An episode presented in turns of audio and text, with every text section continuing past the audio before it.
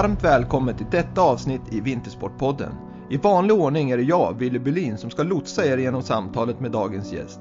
Med min bakgrund som elitidrottare och ledare inom såväl idrott som näringslivet hoppas jag kunna ge er intressanta infallsvinklar i samtalet som ska ge er inspiration, energi och kunskap. Vill ni veta mer om vad som är på gång inom podden och vad jag sysslar med så rekommenderar jag alla att följa Vintersportpodden på Instagram. Detta avsnitt är i samarbete med Brooks, eller The Running Company, som grundades 1914 och är helt fokuserade på löpning. Med sin slogan Run Happy har Brooks som mål att inspirera alla att springa sin egen väg till ett bättre liv. Jag löper en hel del och kan konstatera att Brooks serie av skor, de ger mig precis vad jag efterfrågar. Och Brooks de har skor för alla underlag vilket är viktigt för mig, som blandar asfalt med skog och fjäll. Nu när hösten och vinterns mörker infaller, då rekommenderar jag alla att kolla in Brooks perfekta klädserie Carbonite som har integrerade reflexer som gör dig synlig i höstens och vinterns mörker. Run happy and safe med Brooks, The Running Company.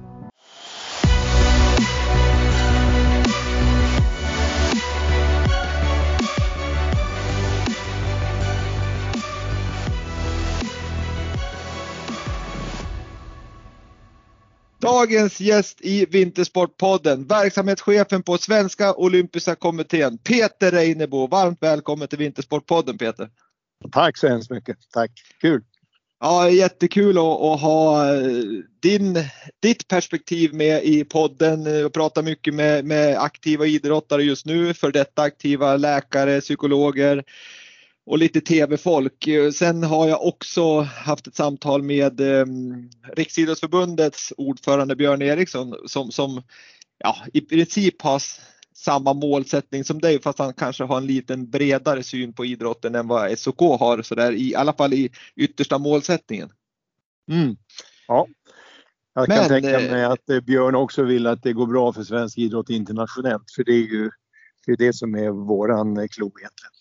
Absolut, och, det, och det, har, det var ju han tydlig med också att han sa att, att vi, visst har vi, vi har bredd och ungdom och barn och så vidare som en jätteviktig fråga men, men vi har ju till syvende och sist så vill vi att vi ska ha framgångar på VM och så där också och, och naturligtvis samarbetar vi med, med SOK för att få, vi har ju samma målsättning där så att säga.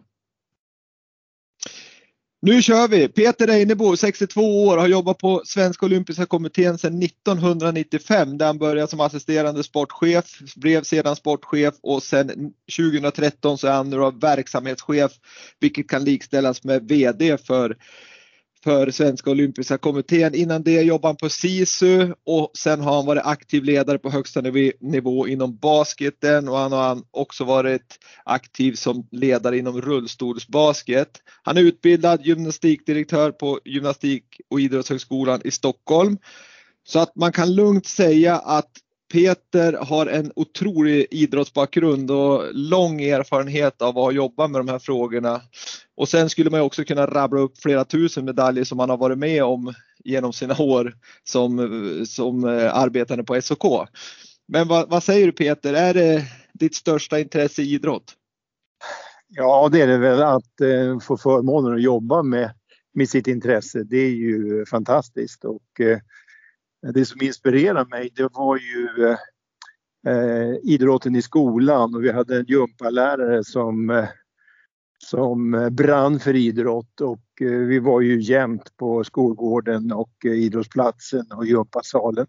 Och höll på både på helger och på kvällar. Och eh, ja, även på andra lektioner än, än idrottslektioner. Och någonstans där, förutom att eh, Ehm, det blev mer och mer idrott på TV. Det var, det var liksom det som väckte mitt. Och, eh, jag tror att de där förebilderna när man växer upp, eh, det kan vara aktiva idrottsmän, det kan vara ledare i klubben eller det kan vara lärare, är oerhört viktiga. Och, eh, ja, det är väl någonting som jag har burit med mig att eh, den, den typen utav inspirerande ledare är någonting att sträva efter. Och då tänkte att äh, men idrottslärare vill jag bli för det, det var han och så, så blev man det. Eh, och eh, jag höll på med massa olika bollsporter.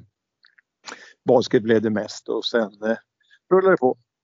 Vad hamnade du på för nivå själv då liksom inom idrotten? Nådde du någon, någon nivå eller var du mer på en, en basnivå? Nej, jag, jag spelade i elitserien ett par år och juniorlandslaget innan dess. Eh, men eh, höll på att coachas som, som ganska ung och sen kom jag in på GH och eh, tyckte väl att jag kunde inte klara att göra alla grejer samtidigt där utan fick välja.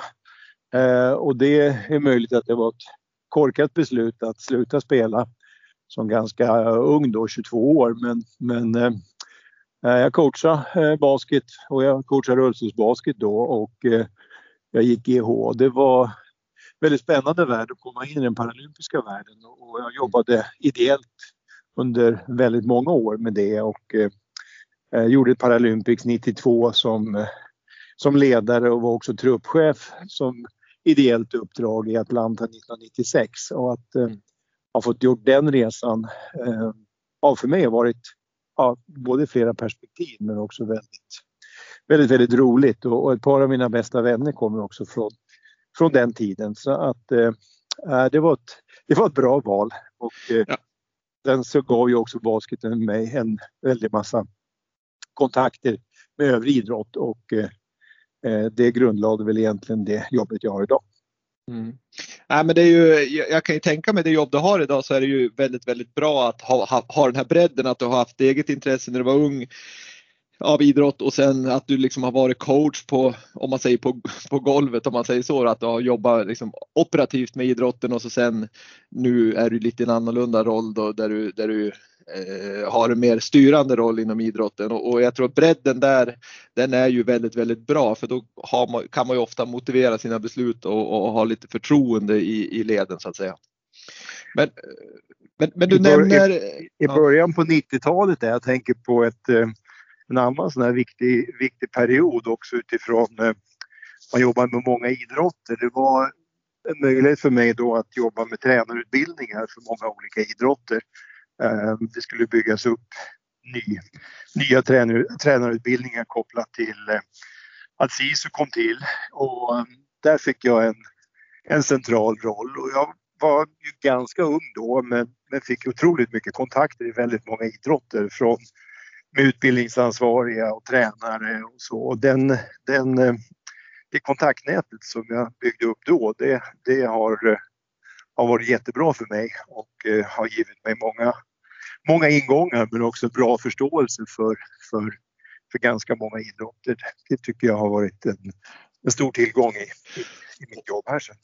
Och det tycker jag är bra, bra poäng där du säger liksom att, att man kan ju prata ingångar på olika saker. Alltså du, du har haft ingångar, kanske jobb och att du har haft en dialog så. Men, men sen tror jag att, att alla ledare oavsett nivå, om man så är på föreningsnivå eller landslagsnivå, så är det alltid nyttigt att ha ett nätverk inom idrotten i sin helhet för att kunna ja, men utbyta erfarenheter och, och få tips av varandra och, liksom, och komma framåt och utveckla sin egen idrott genom andras kunskap och, och idéer. Ja, för, förutom många spännande människor så kom jag ändå hyfsat in på livet på, på, ja, ganska snabbt där på, på ganska många idrotter som jag inte hade en aning om. Ja. Eh, och, och den självklara slutsatsen är ju att eh, intresset och drivkraften och, och, engagemanget är ju liksom A och O. Naturligtvis också, ju mer, ju mer man lär sig ju, ju bättre blir man men också ju större blir intresset. Ja. Så den, den, ehm, eh, den, den vissheten att det är där drivkrafterna ligger men att det också finns ganska stora kulturella skillnader i idrotterna. Eh, mm. Kärnan är liksom lika men sen, sen finns det ju liksom givetvis ganska stora olikheter och det får man ju liksom ta hänsyn till. Och det, det var någonting som eh, jag fick uppleva både på, på gott och ont och under mm. de åren i början på 90-talet där. Så det var, det var spännande år då också.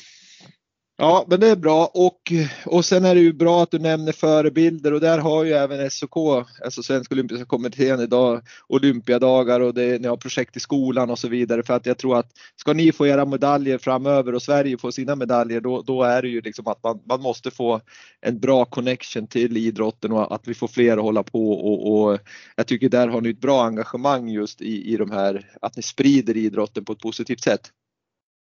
Uh, ja, och sen tror jag också en annan viktig sak som ni tycker jag gör bra, det är att ni just nu har ni ett projekt tror jag som, som riktar in sig på utbildning av tränare, vilket jag tror är A och O också för att få både bredden och toppen i, framtiden. Att bra ledare brukar ju ge bra verksamhet som ger fler barn och ungdomar att hålla på längre och det ger en högre och bred, bredare topp.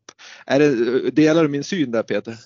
Ja, det, det gör vi. är ju ingen utbildningsorganisation egentligen och vi är ingen breddorganisation egentligen. Men vi har, eh, vi har samarbete med många idrotter och vi har eh, ehm, tillgång till, till våra olympier och vi har de olympiska spelen och det, det intresserar ju och attraherar ju många och, och, vi tänker så här att vi, vi behöver använda det. Vi behöver använda det i dubbla syften. Naturligtvis att, att eh, hjälpa till och sprida både inspiration och kunskap men också att kunna använda de förebilder vi har, både tränare och aktiva, eh, för att eh, inspirera andra. Och det är eh, ska vi säga, det är verksamhetsutveckling för oss att bidra till det. Det är inte vår huvuduppgift men det är en viktig biuppgift om man säger så och det ger oss naturligtvis också en del möjligheter med kommersiella partners för de är också mm. intresserade naturligtvis med ja, vad gör man med, för barn och ungdomar med, med våra eh, framgångsrika olympier och vad gör man för att eh, bli bättre och det är en bra plattform också så det är dubbla skäl. Ja, bra, härligt. Men om vi ska gå in på Svenska Olympiska Kommittén då, kan du beskriva lite grann det du var inne på. Vad är Svenska Olympiska Kommittén för de som inte riktigt vet, de har hört ordet men de vet inte vad det är egentligen och vad ni liksom står för och, och bedriver för verksamhet? Mm. Vi är ju en medlemsorganisation. Det innebär att eh, de olympiska förbunden eh, är medlemmar och, och ägare utav eh, SOK. Så vi har ett årsmöte och årsmötet utser en styrelse och styrelsen ansvarar för vår verksamhet och, och anställer en sån som mig och sen eh, anställer jag flera människor så gör vi det bästa vi kan då för, för det uppdraget vi har och det uppdraget vi har det är ju egentligen tre eh, huvuduppdrag. Det ena är ju det självklara att eh, förbereda och genomföra OS och det handlar ju om tekniska förberedelser, det handlar om att företräda truppen och att företräda landet och eh, göra det så bra som möjligt naturligtvis. Um, och det, det, där uppdraget det har funnits sedan 1913, för SOK bildades 1913. Det var ju i spåren av Solskensolympiaden 1912 så kom man på att men vi måste ju ha ett gäng som, som eh, förbereder våra svenska trupper framöver och håller ihop det där. Och då blev SOK eh, en organisation i, i spåren av OS och bildades som sagt 1913 i, i lokaler på Stadion där vi idag för övrigt har, har vårt kansli också så det finns en, mm. en stark historia i det. Det andra uppdraget det är ju att eh, vi ska göra bra resultat på OS och eh, då har vi ett, eh, eh ett stöd. Det handlar om ekonomi men det handlar också om Eh, kompetens, alltså resurspersoner eller tränarutbildning eller, eller andra rådgivningsinsatser kanske. Men den stora delen i det eh, är ju Topp och talangprogrammet som vi bildade i slutet på 90-talet och eh, eh, det fanns en, en stor efterfrågan då på, på stöttning till flera idrotter för att vi skulle vända den trenden som handlade om dåliga resultat under 90-talet. Vi hade ju ganska eh, få medaljer både 94 och 96 och 98. Även 92 var, var inte något vidare OS. Det var ju ett år när det fanns både vinter och sommar samma år för övrigt. Sen blev det ju mm. Lillehammer 94, Atlanta 96 och Nagano 98.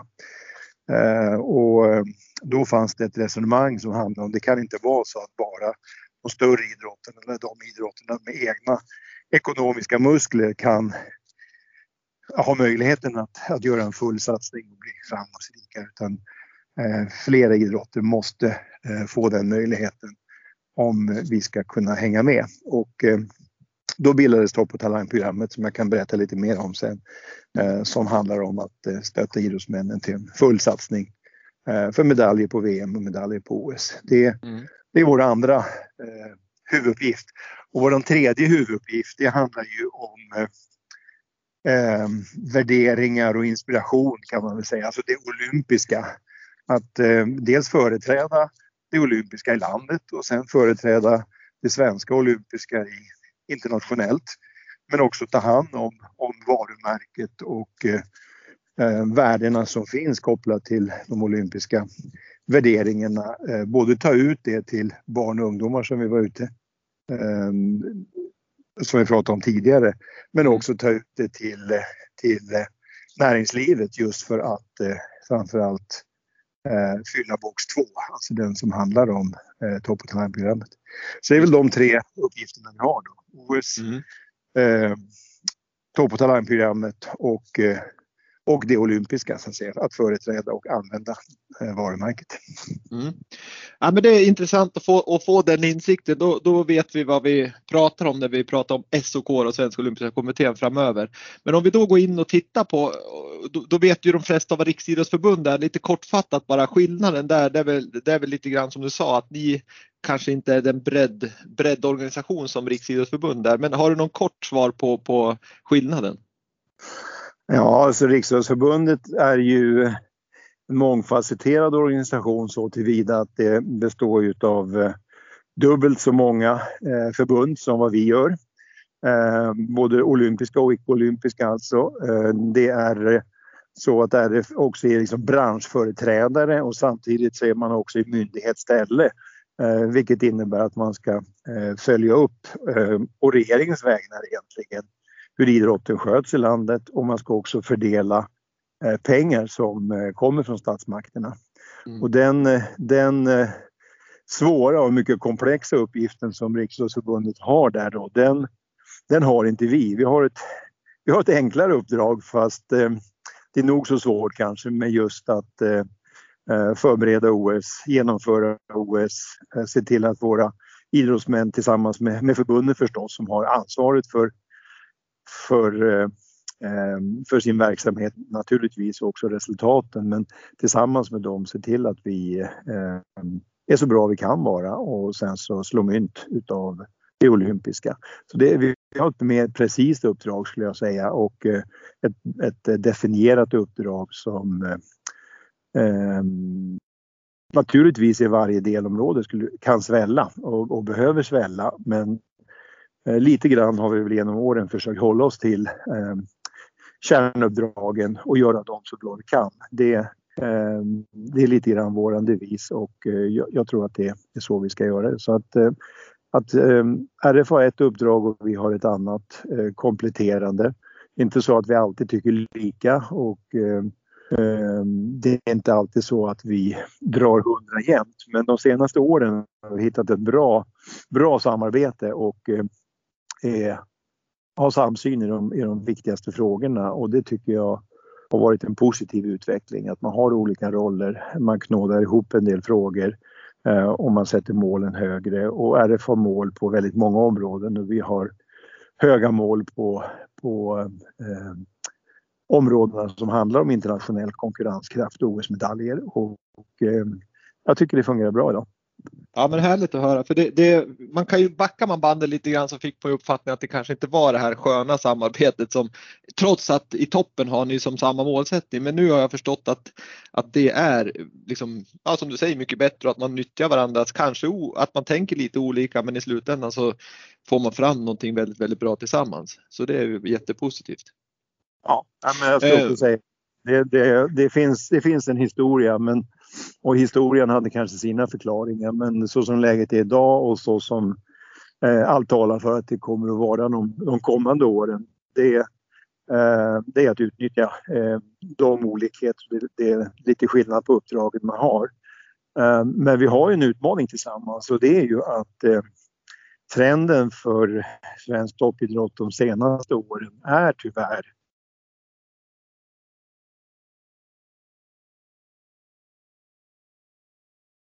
eh, nå också om den breda toppen. Nu pratar jag internationella eh, resultat.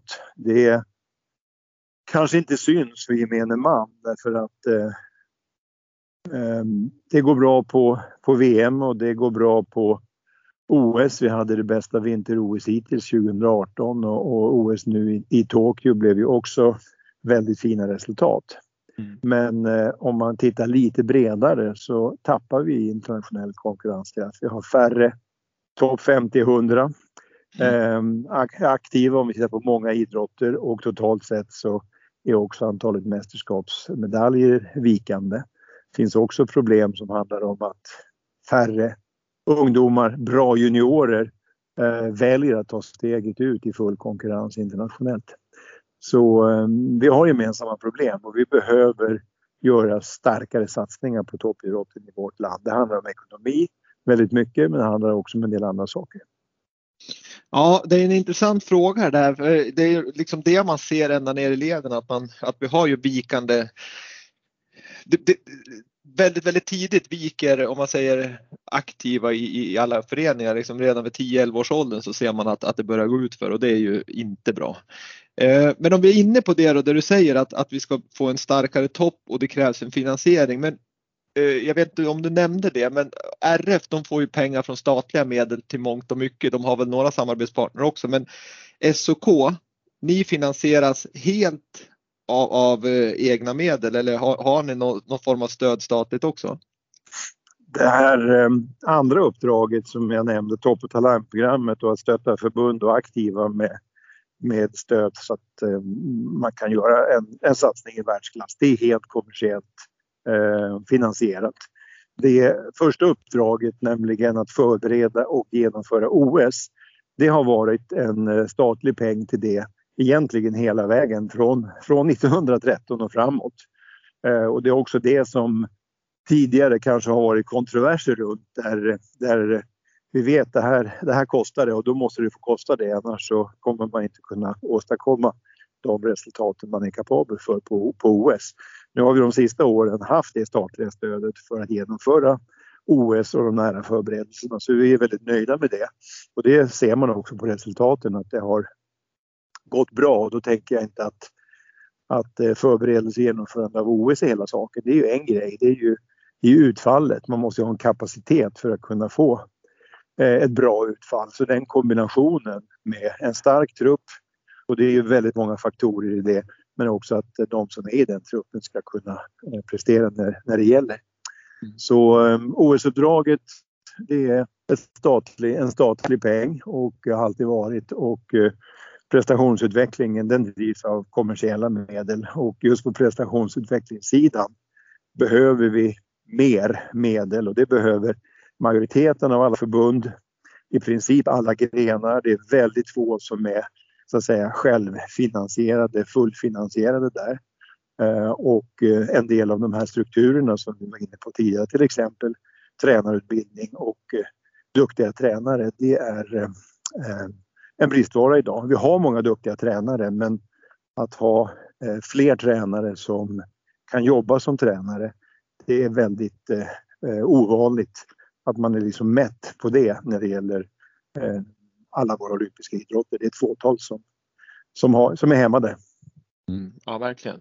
Och, och, vi ska komma in lite grann på, på just den där biten lite senare. Men, men jag tänker liksom, nu är vi inne på du, du sa att vi måste ha ett, eh, mer kommersiella medel för att kunna ha liksom ett bra topp och talangprogram för att kunna liksom vara, vara slagkraftig och ha en slagkraftig trupp.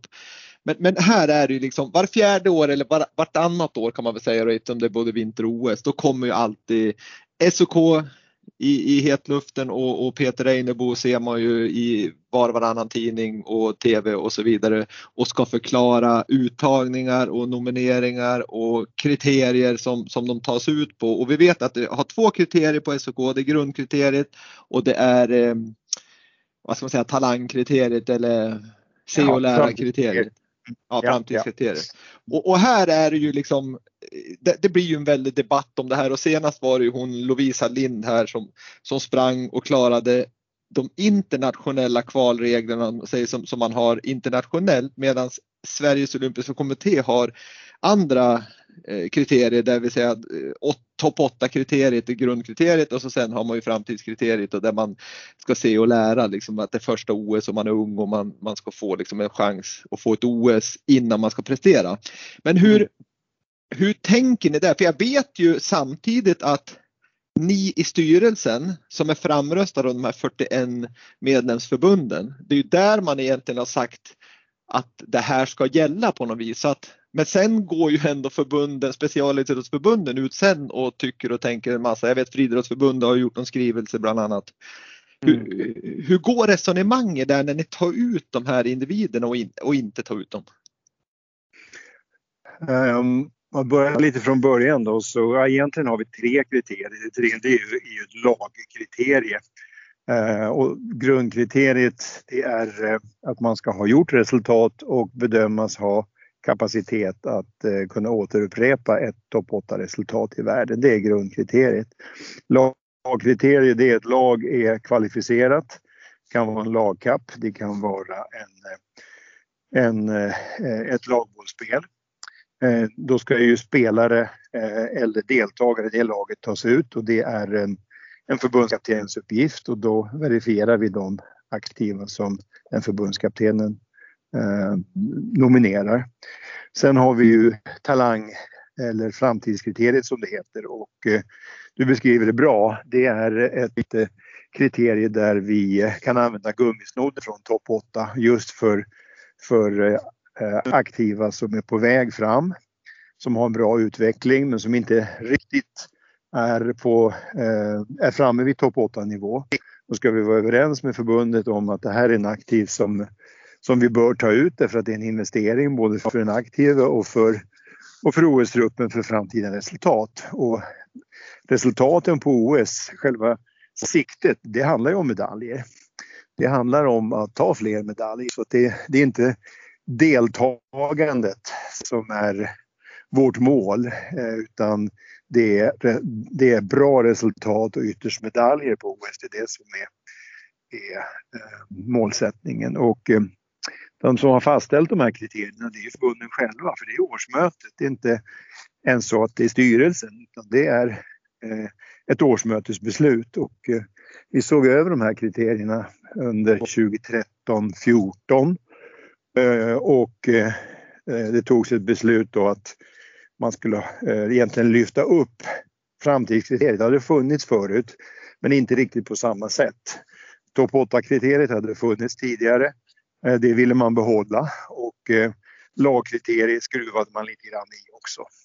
Ehm, så det är ett årsmötesbeslut och sen vi som jobbar med den här frågan, vi, vi har ju att eh, leva det årsmötesbeslutet och försöka göra det, det bästa utav det. Och då är ju inte ett internationellt kval lika med en OS-uttagning utan det är ju en förutsättning. De som är internationellt kvalade oavsett om det är ett lag eller en individ, de kan bli OS-uttagna. Eh, ett förbund nominerar de som de tycker eh, och vi har att göra den avvägningen då om man fyller de kriterierna. Sen vet vi ju att eh, våra 40 medlemmar, alla, alla förbunden, har inte exakt samma uppfattning och det har de ju inte i, eh, i någon fråga eller på att säga. Det är klart att det finns avvikande uppfattningar. Eh, och den här våren så, så har vi haft många resonemang runt eh, just löpare. Det har handlat om maraton och det har handlat om kortare, kortare löpare men det är eh, och det är inte så att alla som eh, har nått, eller som har klarat det internationella kvalet, det är flera idrotter det handlar om, eh, är eh, lika med en OS-uttagning. Det är just därför som vi har de här nationella eh, uttagningskriterierna. Så det ingår i jobbet att, eh, att göra den bedömningen helt enkelt. Ja, för där, där beskriver du egentligen, eller du säger ju ganska tydligt där att, att från Sveriges sida, vi får skilja Sveriges olympiska kommitté mot några andra olympiska kommittéer, att från eran sida där är det ju liksom på ett OS åker man för att prestera, inte för att liksom, ja men nu säger jag komma 45 liksom, utan ni vill att man ska vara topp 8 och ha möjlighet och, och, och i och med att man är topp 8 så har man ju möjlighet att vara och snudda på medaljer såklart. Ja, och det är eh, därför som topp 8 finns kan man säga. Man har ja. bedömt det. Om, om det i framtiden kommer att vara topp 6 eller topp 8 eller topp 12, det är, det är en sak. Men, eh, och det, det, kan säkert komma att ändras. Men eh, jag ser det som en av de viktigare besluten de senare åren. Det handlade just om att eh, lyfta upp framtidskriteriet. Att vi, vi ska våga använda gummisnodden på aktiva som är i, i bra utveckling. Det är oftast naturligtvis något yngre aktiva. Det behöver inte vara det, beror ju på vad det är för idrott. Eh, och det var roligt den här gången i Tokyo eftersom vi hade, det var samma i Pyeongchang faktiskt, att vi hade flera unga aktiva som var uttagna på framtidskriteriet som gjorde riktigt, riktigt bra ifrån sig och det, det lovar ju gott både inför för kommande vinter-OS men också inför kommande sommar-OS. Ja men verkligen. Eh, nej, men jag tänker på det som är det som jag tror många tänker på också det är att du säger ju att, att eh, specialidrottsförbunden de nominerar ju till er att vi vill ha Kalle och Lisa och Pelle med på OS och så sen gör ju ni en bedömning då utifrån de resultat de har gjort. Men hur det, det, liksom det slutgiltiga liksom beslutet, då, är det ni liksom till 100% som fattar det eller sitter ni med förbundskaptenen för längd eller alpint eller vad det nu är och, och, och, och tar det här beslutet? Absolut, jag menar i, eh, i 8-9 av fallen så är man ju helt överens. Det är, det är liksom givet. Eh, och, eller i alla fall ganska givet när man gnuggar ihop det hela och eh, vi, vi gör ju ett dokument tillsammans som talar om vilken tidsplan för uttagningar och kanske någon slags översättning av vad, vad innebär topp 8 i den här idrotten. Det är ju, det är ju så olika. Jag menar på vinteridrotterna så, eh, så har vi ju ett antal världskupper där i princip alla bästa i världen är med. Eh, och att göra topp 8 resultat där, eh, ja det har inte med någon tid att göra eller så om vi pratar skididrotterna utan det är ju, det är ju placeringar. Ehm, men sen kan vi ha idrotter där det är kamp, kampidrotterna på sommar, ehm, där det är väldigt få tävlingar som alla är med. Eh, VM är en sak, ehm, men sen kan det handla om vilka skalper man har tagit och det kan handla om hur lottningarna har varit i, i de turneringar de har varit på. Det är, en, det är en, det är en helt annan syn man måste ha på det. Sen har vi simning och friidrott där det handlar väldigt mycket om tider väldigt få tävlingar förutom eh, ett VM eh, där alla eh, är med. Nu pratar vi alla grenar. I friidrott så, så har du Diamond League, där är ju vissa grenar där, där de flesta av de bästa i världen är, är med. Men då handlar det ju väldigt mycket om centimeter eller, eller sekunder.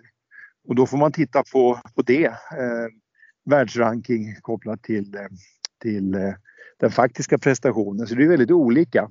Ehm, och det är just den översättningen då som eh, vi försöker gnugga ihop med, med förbundskaptenerna, sportcheferna i de här idrotterna. Ehm, tidsplanen för uttagning, vilka tävlingar man i första hand ska titta på och eh, vad en åttonde plats eh, är i brottning eller i simning eller i, i eh, alpint. Det, det är lite olika perspektiv. Men, men man kan ju lätt säga att det är spännande i alla fall för att eh, det, är, det, det gäller att sätta sig in i det och som du säger så finns det ju av de här 41 medlemsförbunden så finns det ju säkert 30 olika viljor och, och, och sådär i alla fall. Så att, så att, så att det, det, är ett spännande jobb du har Peter tillsammans med dina sportchefer och, och organisationen i övrigt. Det, det måste jag säga och, och, som sagt var, ni blir ju i fokus ganska rejält när, när OS är och innan OS när de här uttagningarna sker.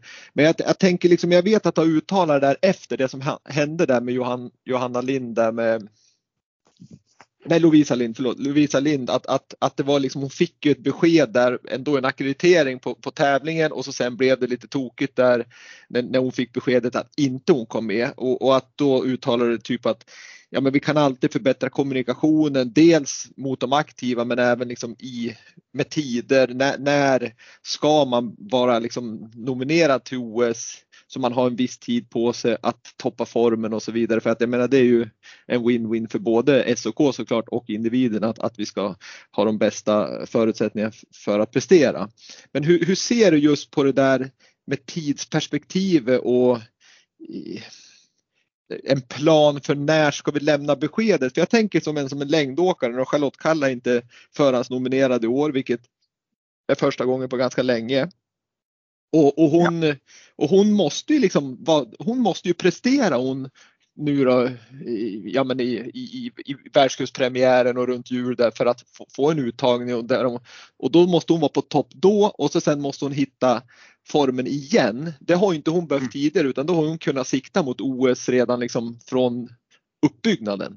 Men hur ser du där på att hitta ett, ett tidigt skede där de får beskedet för att kunna liksom ladda inför OS-tävlingen?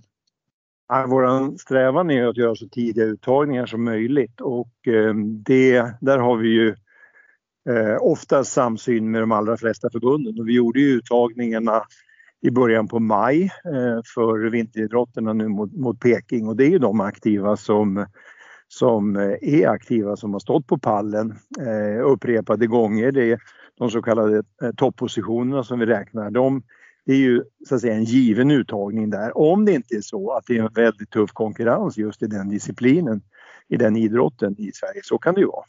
Eh, och eh, eh det innebär att vi har ganska många vinteraktiva som, som är uttagna. Sen eh, kommer nästa uttagning på vintersidan att vara den 20 eller om det blir den 21 eller möjligen, möjligen den 22 december.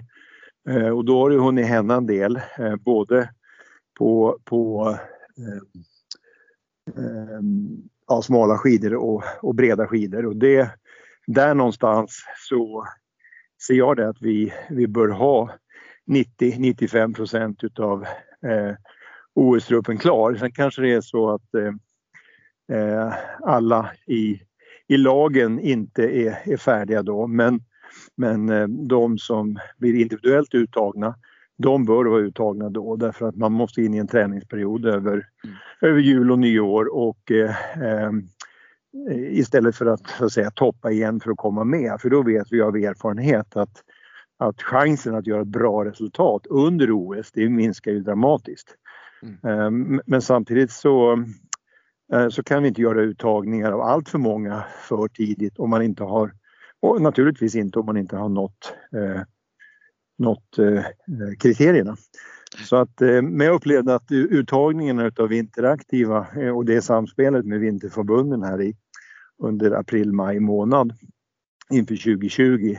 Det var, eh, ja, det var total samsyn i det och Eh, Eh, det blev lite olika många aktiva i olika vintergrenar både utifrån hur många, hur många platser det finns. Jag menar i en del idrotter har du bara eh, tre, tre eh, startplatser i, i, eh, under OS medan i andra eh, där kan du ha fem eller sex startplatser i, i ett lopp som i längd och skidskytte till exempel. Så det, det är olika. Men, men eh, en kort fråga där bara på, vi, vi, säger att Charlotte Kalla, nu pratar vi om en individ här, men, men eh, ja. jag hade ju henne i podden också och hon pr pratar just om det här. Men om hon inte skulle kvala till individuellt så att säga, men, men ni bedömer ändå att, eller skidförbundet bedömer att vi behöver Charlotte Kalla på sista sträckan i, i stafetten. Skulle hon kunna bli uttagen till stafetten då bara eller? Absolut. Ja, det är så. Mm.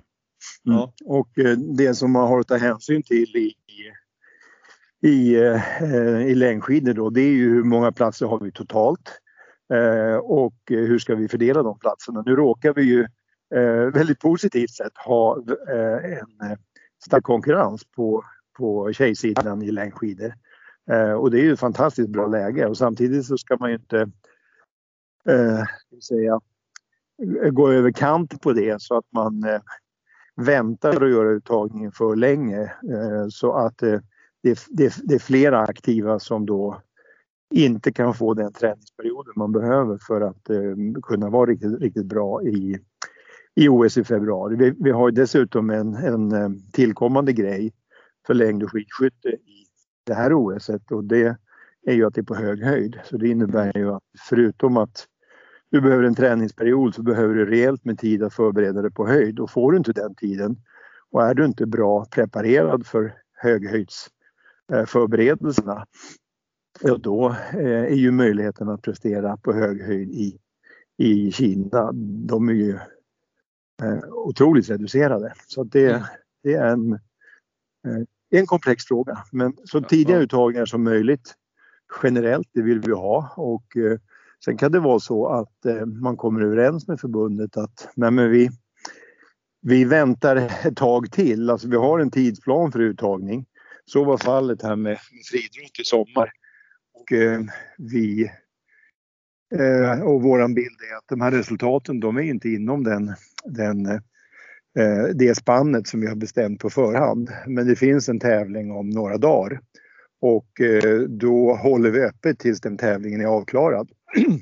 Det är kanske ett rätt beslut, det är kanske ett fel beslut. Eh, det beslutet eh, tog vi den här gången, att förlänga den, den öppna tiden och det var ju för att ge eh, den aktuella aktive möjligheten att prestera inom det tidsspannet som, som hade motiverat en uttagning. Nu blev det inte så. Eh, och då blir det ju väldigt negativt. Hade det blivit så att det resultatet hade uppnåtts, då hade det varit väldigt positivt, tror jag, i allas ögon att eh, uttagningstiden hade blivit förlängd. Så att man behöver zooma ut lite tror jag och se hela bilden. Um, ja, det är väl svårt alltid det där när man, och sen när man inte har bakgrunder och så vidare så, så är det väl alltid lätt att, att, att, tycka och tänka om, om det ena och det tredje. Men det är därför det är skönt att ha dig med här i podden så att du kan beskriva hur, hur läget ligger. Ja. Men, men Peter, vi, vi ska prata lite grann för att gå vidare här så, så, ska vi ta kortfattat så har vi ju, vi har pratat tidigare om ett topp och talangprogram som finansieras kommersiellt och där vi hela tiden behöver mer pengar för att, för att vi ska kunna ge dem de bästa förutsättningarna som, som finns då. Och topp och talangprogrammet det är ju ett skräddarsytt stöd för aktiva som bedöm, bedöms från er sida ha potential att kunna nå medaljkapacitet på OS med, med, med, liksom med uthållig satsning och rätt stöd. Och där går ni in och ger stöd till aktiva och det kan också då vara stöd till förbunden om man känner att jag behöver ha en extra tränare, jag behöver åka på ett höghöjdsläger för att kunna liksom prestera om två år eller vad det nu än är. Mm. Mm. Eh, och, och i och med att ni ger de här fantastiska stöden till era medlemsförbund. Jag tror att alla är inte med. Jag tror det finns väl vissa som inte har stöd, typ hockey va? Tror jag.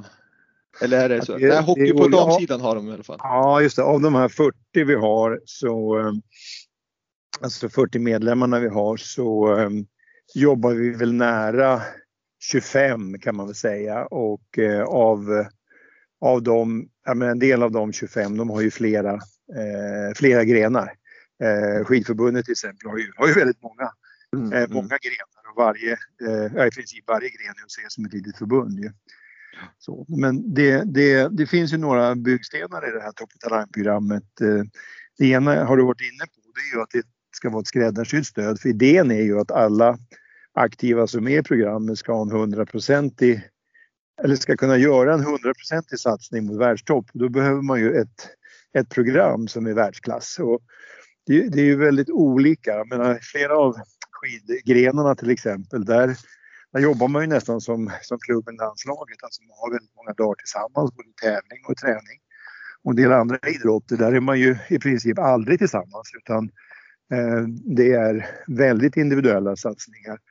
Man tävlar inte i, i landslagsfärger utan man tävlar i klubbfärger förutom på ett VM kanske och så.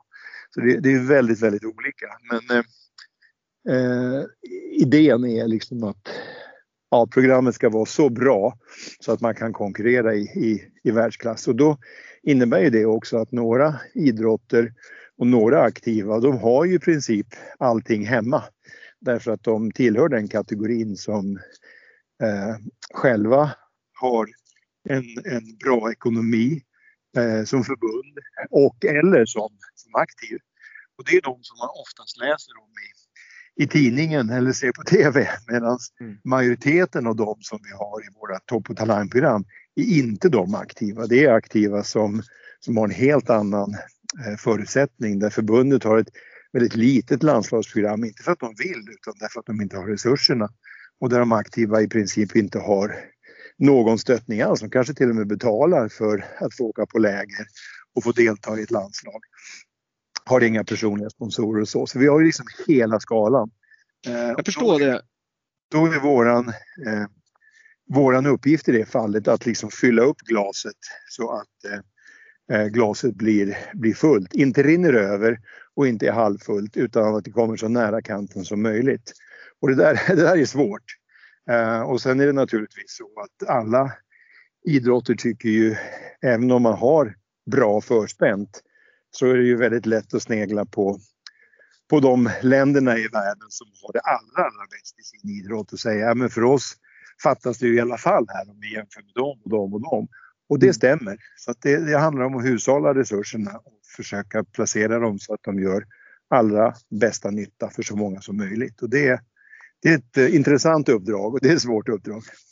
Ja, det måste vara väldigt svårt att göra de här uttagningarna för det är lika där har ni massa kriterier som man ska uppfylla. Allt ifrån liksom potential och, och fysisk kapacitet och mentalt och allt vad det nu är. Och, men, men jag tänker liksom det måste ändå vara lite svårt om man tar alpina förbund eller längd och, eller vilken idrott som helst egentligen där ni har en med i ett program men i träningsgruppen så in, är de fem.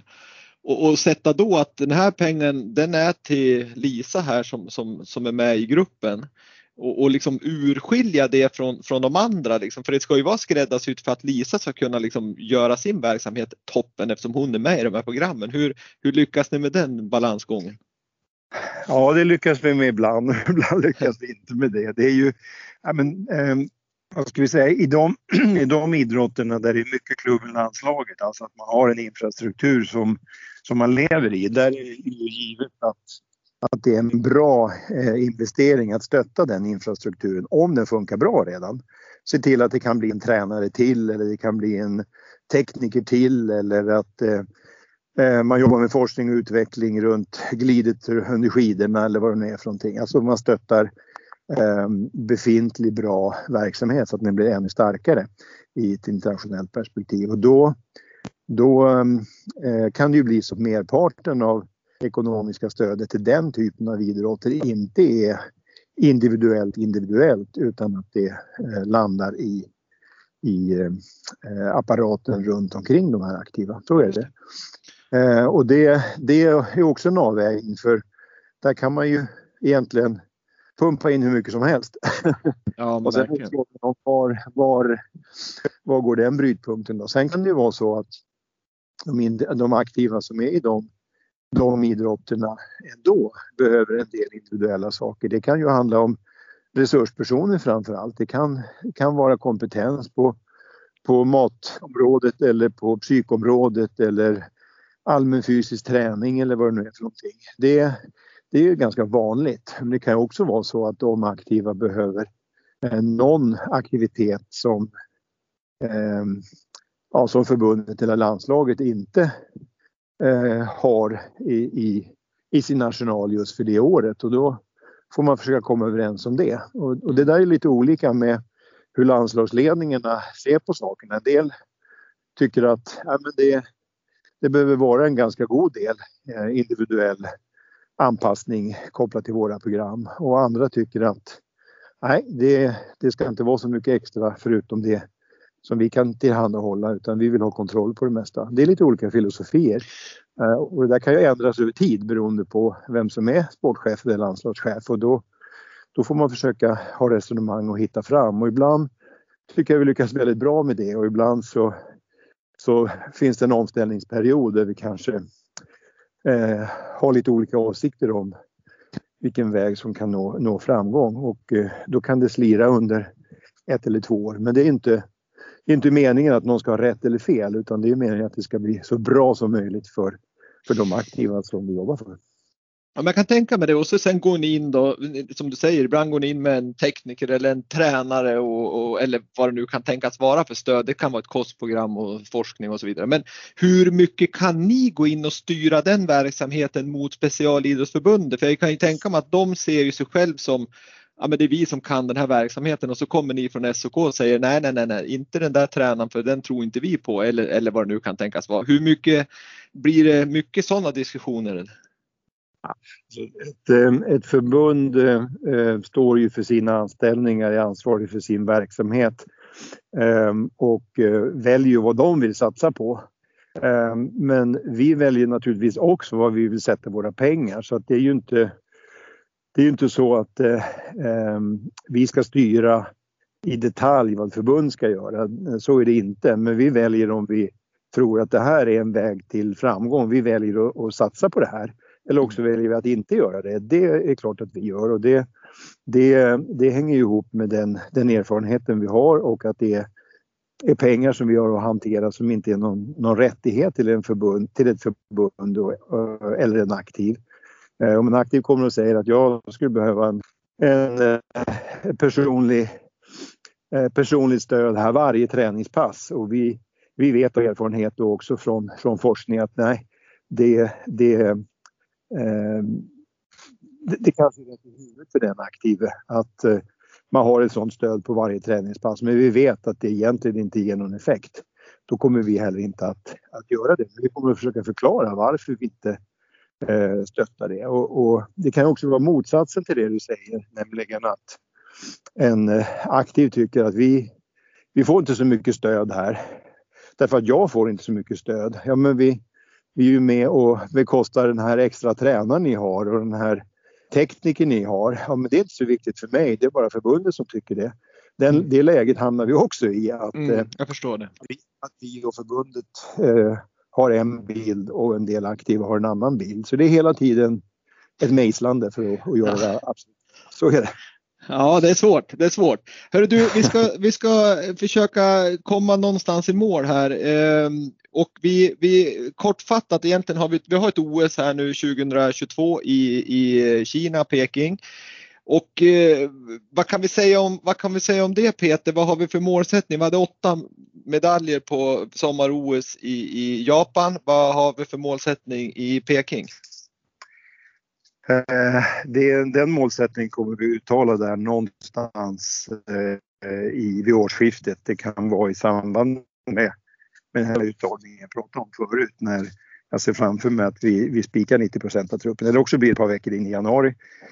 Och det är helt enkelt när vi vet hur truppen ser ut och när vi vet hur, hur de aktiva som vi redan har tagit ut som har gjort de här toppresultaten, eh, hur de ja, hur friska och hela och hur de ser ut under, under hösten. Men också därför att det kan komma en eller annan och det hoppas vi på som, eh, eh ja, som lyfter just den här hösten eh, och, och det här året. Så att vi, vi väntar med att sätta det målet eh, och vi kommer att göra det mer statistiskt. Eh, vi hoppas ju och tror, eller vi hoppas ju alltid på mer men vi brukar sätta målen efter statistiken. Och vi ska komma ihåg att Pyeongchang var det bästa vinter-OS någonsin. Ja. Så, kan vi, så kan vi nå eh, närheten av den nivån, då gör OS-truppen det fantastiskt bra. Så egentligen det du säger att ni ska i alla fall ha lika som i Pyeongchang, inte sämre? Nej, det sa jag inte. Det kanske inte är realistiskt att sätta det målet. Då, då blir det ju så här att eh, ja, eh, vad fegt att inte sätta ett högre mål än Pyeongchang. Men jag tror att det är klokt att sätta det målet som statistiken visar och inte gå på förhoppningar utan eh, är våran trupp på pappret starkare än inför Pyeongchang då kommer vi att sätta ett, ett högt mål. Men man måste komma ihåg vad, vad målet var Pyeongchang och vad utfallet var. Och målet var ju eh, klart lägre än vad utfallet var. Och, eh, eh det, det är den jämförelsen som, som blir intressant. Jag, man... Eh, jag, hopp, jag, hoppas och tror att vi ska ha en trupp som är lika stark som inför Pyeongchang och sen så ska vi också eh, försöka få till allra bästa utfallet. Men om du säger så här då, känns det bra just nu? De förhandsnomineringar ni har, de känns ju såklart bra i magen och, och prestations, liksom, hög prestationsnivå på. Ja, det tycker jag. Jag tycker att eh, vi i, i eh, väldigt många utav eh, våra skididrotter och eh, curling där vi dessutom har tre lag som, eh, som är i världstopp eh, har jättefina förutsättningar och eh, får vi, får vi se lite senare under den här säsongen var, var de ligger. Sen har vi ju eh, ett antal yngre aktiva i, i flera grenar som, eh, som är på väg fram och jag hoppas att eh, de kommer att få få till en bra höst och det bygger väldigt mycket på vad man har gjort här under sommaren. Eh, mm. och, eh, sen får vi se. Men vi har också ja. några, några som ska kvala. Vi pratade om OS-uttagningar förut och det, det hänger också ihop med att de har eh, klarat sitt internationella kval och vi har ju en världsmästare eh, Nils van der Poel, han är inte internationellt kvalad. Han har en eller två tävlingar på sig att klara det kvalet och det hoppas vi naturligtvis innerligt att han gör men eh, det är små marginaler. Eh, man måste lyckas i ett, i ett lopp och annars så får vi inte en möjlighet att ta ut honom. Så, det, så kan det vara också. Ja, det är tufft. Det är tufft i branschen. Men du, om jag säger så här, 2022 Peking, 2024 Paris, 2026 Cortina, 2028 Los Angeles, 2030 frågetecken, 2032 Brisbane, Australien. 2030 Peter Reinebo, jobbar vi för ett svenskt OS då? Ja, eh, det kan vara så men eh, det behöver inte vara så. Vi, eh, vi slickar ju fortfarande såren lite grann efter 2026 där vi, eller ja, OS-kampanjen för att, att, vinna OS 2026. Vi, vi var nära, det var ju det var ju sju personer ifrån, det var 13 röster men det är sju personer i och med att vi var bara två som var om det. Och vi gjorde inte allt rätt i den kampanjen men det var ett väldigt fint koncept. Um, och ehm, jag tror att vi kommer att söka OS igen. Frågan är när. Ehm, det hänger inte ihop med bara vad vi vill.